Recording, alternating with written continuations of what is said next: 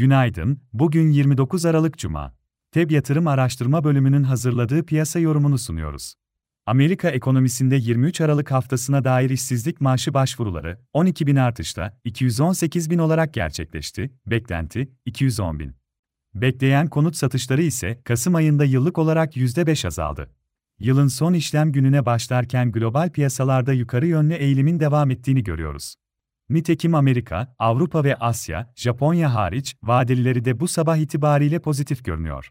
Amerika dolar endeksinde zayıflık devam ediyor, altında ise bir süredir devam eden yukarı yönlü hareketin ons bazında 2072 Amerika doları seviyelerinden devam ettiğini gözlemliyoruz.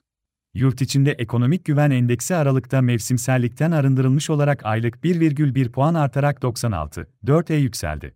Bugün Kasım ayına ait dış ticaret verilerini takip edeceğiz.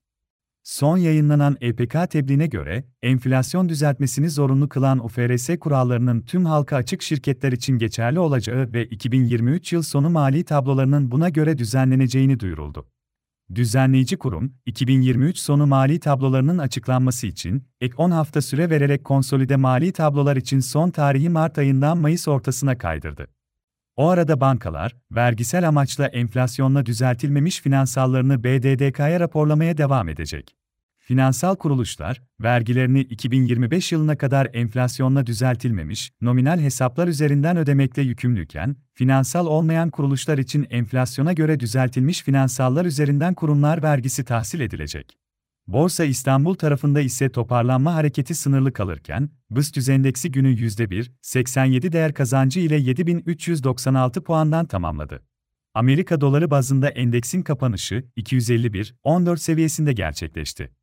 Merkez Bankası'nın açıkladığı haftalık verilere göre 22 Aralık haftası itibariyle yabancı yatırımcıların Borsa İstanbul'da alımları haftalık bazda 140 milyon Amerika doları giriş yaşandı ana hisselerdeki Türk Hava Yolları, Türksel, Koç Holding gibi alışların piyasaya destek olduğu görülürken, TUPRAŞ'ın yanı sıra bir süredir değer kaybeden iş gayrimenkul ile gübre fabrikaları hisselerindeki satışların durulmaması da endeksin daha hızlı toparlanmasını engelledi.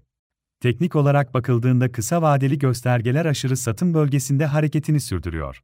Piyasa üzerinde satışların durulmasına paralel, endekste teknik bazda yeni bir toparlanma sürecinin başlaması ve endeksin teknik bazda yeniden 8000 seviyesine doğru hareketlenmesi beklenebilir.